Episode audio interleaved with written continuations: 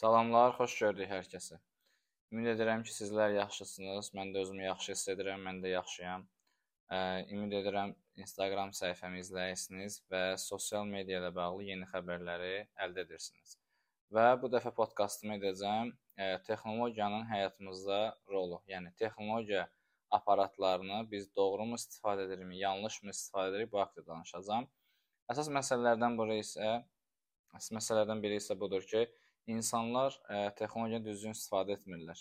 Məncə Azərbaycanda bu belədir. Ə, e, sadəcə bunu ə, e, insanlara belə aşılamaq kimi yox, sadəcə onu demək istəyirəm ki, məsələn biz adi bir telefonu belə alanda ən yüksək parametrlərinə görə baxırıq.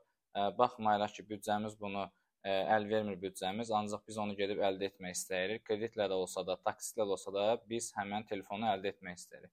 Ancaq soruşanda ki, ə, hər hansı bir iş kimi görürsən və yaxud sənə bu iş üçünmü lazımdır? Söylə ki, xeyr, sadəcə bəzən insanlar görünüş üçün alırlar, ə, bəzən desinlər ki, bu burada işləyir, buna görə telefon alıb. Ə, məncə buna görə biz telefonu və yaxud kompüteri və yaxud ə, maşınını almamalıyıq. Çünki bunlar artıq xərclərdir və biz ancaq onları əgər bizə iş üçün lazımdırsa, yəni işimizi görürsə, ona görə biz ə, həmin texnologiyaları almalıyıq. Məsələn, bəzən ə, fikir verir ki, telefonu yüksək parametrli alan insanlar heç onun belə deyək, üstünlüklərinə məlumatları olmur. Və ona görə də bəzən sual verirlər ki, filan kəs aldı və yaxud ətrafında olan digər insan yeni çıxan telefon aldı, mən də gedim alım.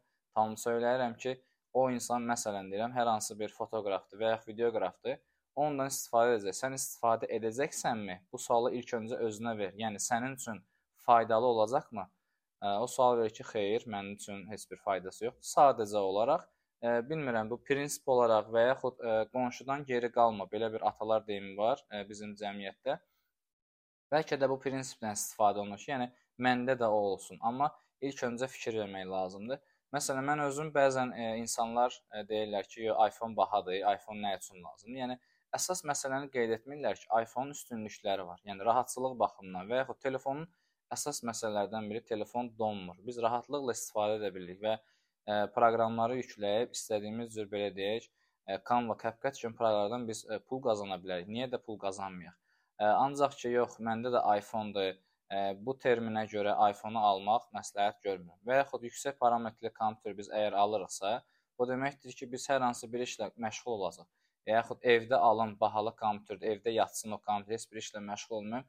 Bu düzgün deyil. Ona görə biz ilk öncə nə isə alırıqsa, ilk öncə biz fikirləşməliyik ki, bu bizim üçün faydalıdırmı yoxsa yox. Yəni bu atalar deyimlərindən biri də var ki, ayağını yorğanına, yorğanına görə uzat. Yəni o deməkdir ki, yəni sən əgər adi gündəlik ə, işlər görəcəksənsə, sadə işlər, məsələn deyirəm, telefonun ə, belə deyək də sadəsini ala bilərsən, amma ə, artıq sən müəyyən bir iş görürsənsə, artıq sənə ə, professional çəkilişlər üçün lazımdır. Artıq o deməkdir ki, sən daha yaxşı belə ə, keyfiyyətli bir telefon almalısan ki, ə, sən öz işlərini görə biləsən və faydalılıq çox vacibdir. Yəni ə, telefon alın və yaxud maşın da həmçinin elədir. Yəni biz hər hansı bir ə, video aparat olsun və yaxud ə, fotoaparat olsun alırıqsa, biz ona fikir verməliyik. Yəni alım evdə qalsın olmamalıdır. Düzdür, ola bilər ki, yəni söyləyə bilərsiniz ki, həvəsdar həvəskar çəkiliş üçün alırsınız. Bu da normaldır. Yəni alıb ə, çəkiliş edə bilərsiniz. Amma çalışın texnologiyadan istifadə edərkən ilk öncə sizin üçün ə, faydalı olacaqmı? İlk öncə ona fikir verin. Daha sonra isə ala bilərsiniz ki, əlbəttə ki, istənilən maşın da ala bilərsiniz, kompüter də və yaxud ə, telefon da ala bilərsiniz. Bəzən mən insanlara sual verirəm, ə, daha çox ə, taksi sürücülərinə bu sualı verirəm ki, yəni insanlar ə, maşını alarkən belə deyirlər ki, təzə maşın olsun, o ki, mən 5 il sürüm, ə, daha sonra isə onun ehtiyac hissələrinə mən ə, belə deyək, pul xərcləyirəm ki, sıradan çıxıbsa onları yeniləm. Yəni niyə də ə, əvvəldən o maşını biz qulluq etməkdir. Yəni belə deyək, əgər bizim imkanımız çatırsa biz maşını alaq. Yəni imkanımız çatmırsa ə, gedək kreditdə götürək. Bu düzgün yanaşma deyil. Bəli, sual verə bilərsiniz ki, əgər bir iş kimi fikirləşirsinizsə, bəli, işə görə yeni maşın almaq olar və yaxud işlənmiş maşın olar və ondan biz ə, pul məqsədli, yəni qazanc məqsədli istifadə edə bilərik. Yəni burada məsələ ondadır ki, biz əgər hər hansısa bir texnologiya avadanlığını alırıqsa, ə, iş qurmaq üçün və ya pul qazanmaq üçün. Yəni bu zonu fikir və fikirləşməliyik. Məsələn, ola bilər siz telefon da ala bilərsiniz və yaxud digər ə, texnologiya avadanlıqlarını ala bilərsiniz. Ancaq fikirləşin ki, siz onu istifadə etdikcə siz ona yatırım etməlisiniz ki, yəni o öz funksiyasını itirməsin. Çünki o sizin bir növ ə, pul, yəni qazanc mənbəyinizdir. Məsələn, mən artıq ə, 5 ildən çoxdur ki, ə, iPhone modelini istifadə edirəm və bəzən insan deyir ki, hə, iPhone göstəriş üçün deyirəm, mən iPhone alandan ə, heç zaman göstəriş üçün almamışam. Ə, videolar düzəltmişəm, şəkillər düzəltmişəm, yeniliklər öyrənmişəm. Ə, demək olar ki, Azərbaycanda iPhone istifadəsi məncə 90%-dən yuxarı onun rahatçılıqlarını və üstünlüklərini bilmirlər. Amma bəzən bizim insanlar belə bir deyimdir və iPhone-dur da, yəni nə telefonda yox. Amma ki iPhone-la çəkiliş edirlər ki, "A, gəlin iPhone-un çəkiliş edək." Yəni insanlar səmimi olmurlar, əfsuslar olsun ki, amma elə insanlar var ki, Xiaomi və yaxud Samsung işlədir. Çünki onların işi deyil. Yəni onlar ə, videoqraf və yaxud fotoqraflıqla məşğul olmurlar və yaxud yüksək parametrli proqramlardan istifadə etmirlər və onlar deyirlər ki, "Okay də, yəni mən ə, Samsung və yaxud Xiaomi telefonlarından istifadə edə bilərəm və yaxud digər telefonlardan istifadə edə bilərəm." Yəni burada məqsəd deyil ki, mən iş gördüm, görmədim, iPhone-u almalıyam. Amma mən özüm yeniliklərini öyrənirəm. iPhone-da daha digər telefondan üstün olan nədir? Əsas üstünlüklərindən biri donmaması. Yəni telefon donmur və rahatçılıqla istifadə etmək olur.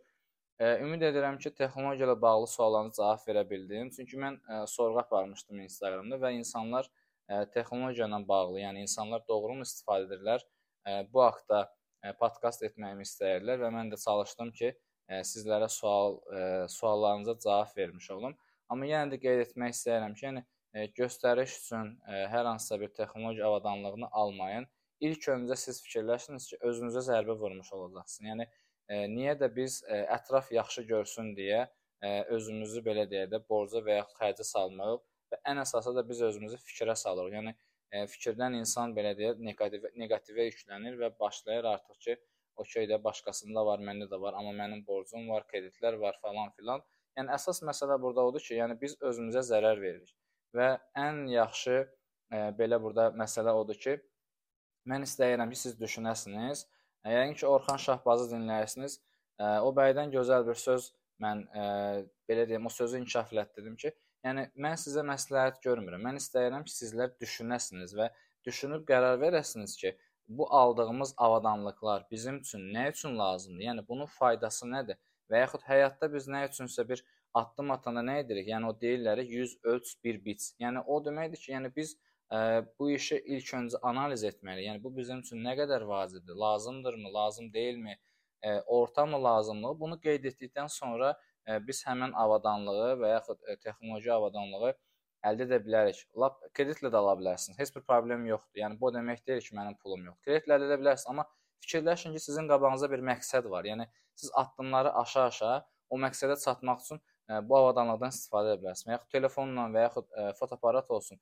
Yəni sizin məqsədiniz olmalı ki, o avadanlığı alım və ondan mən ə, pul qazanım.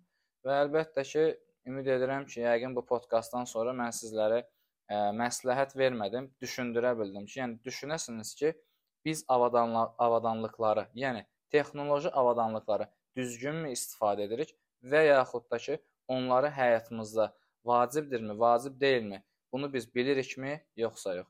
Dinlədiyiniz üçün təşəkkür edirəm. Çox sağ olun.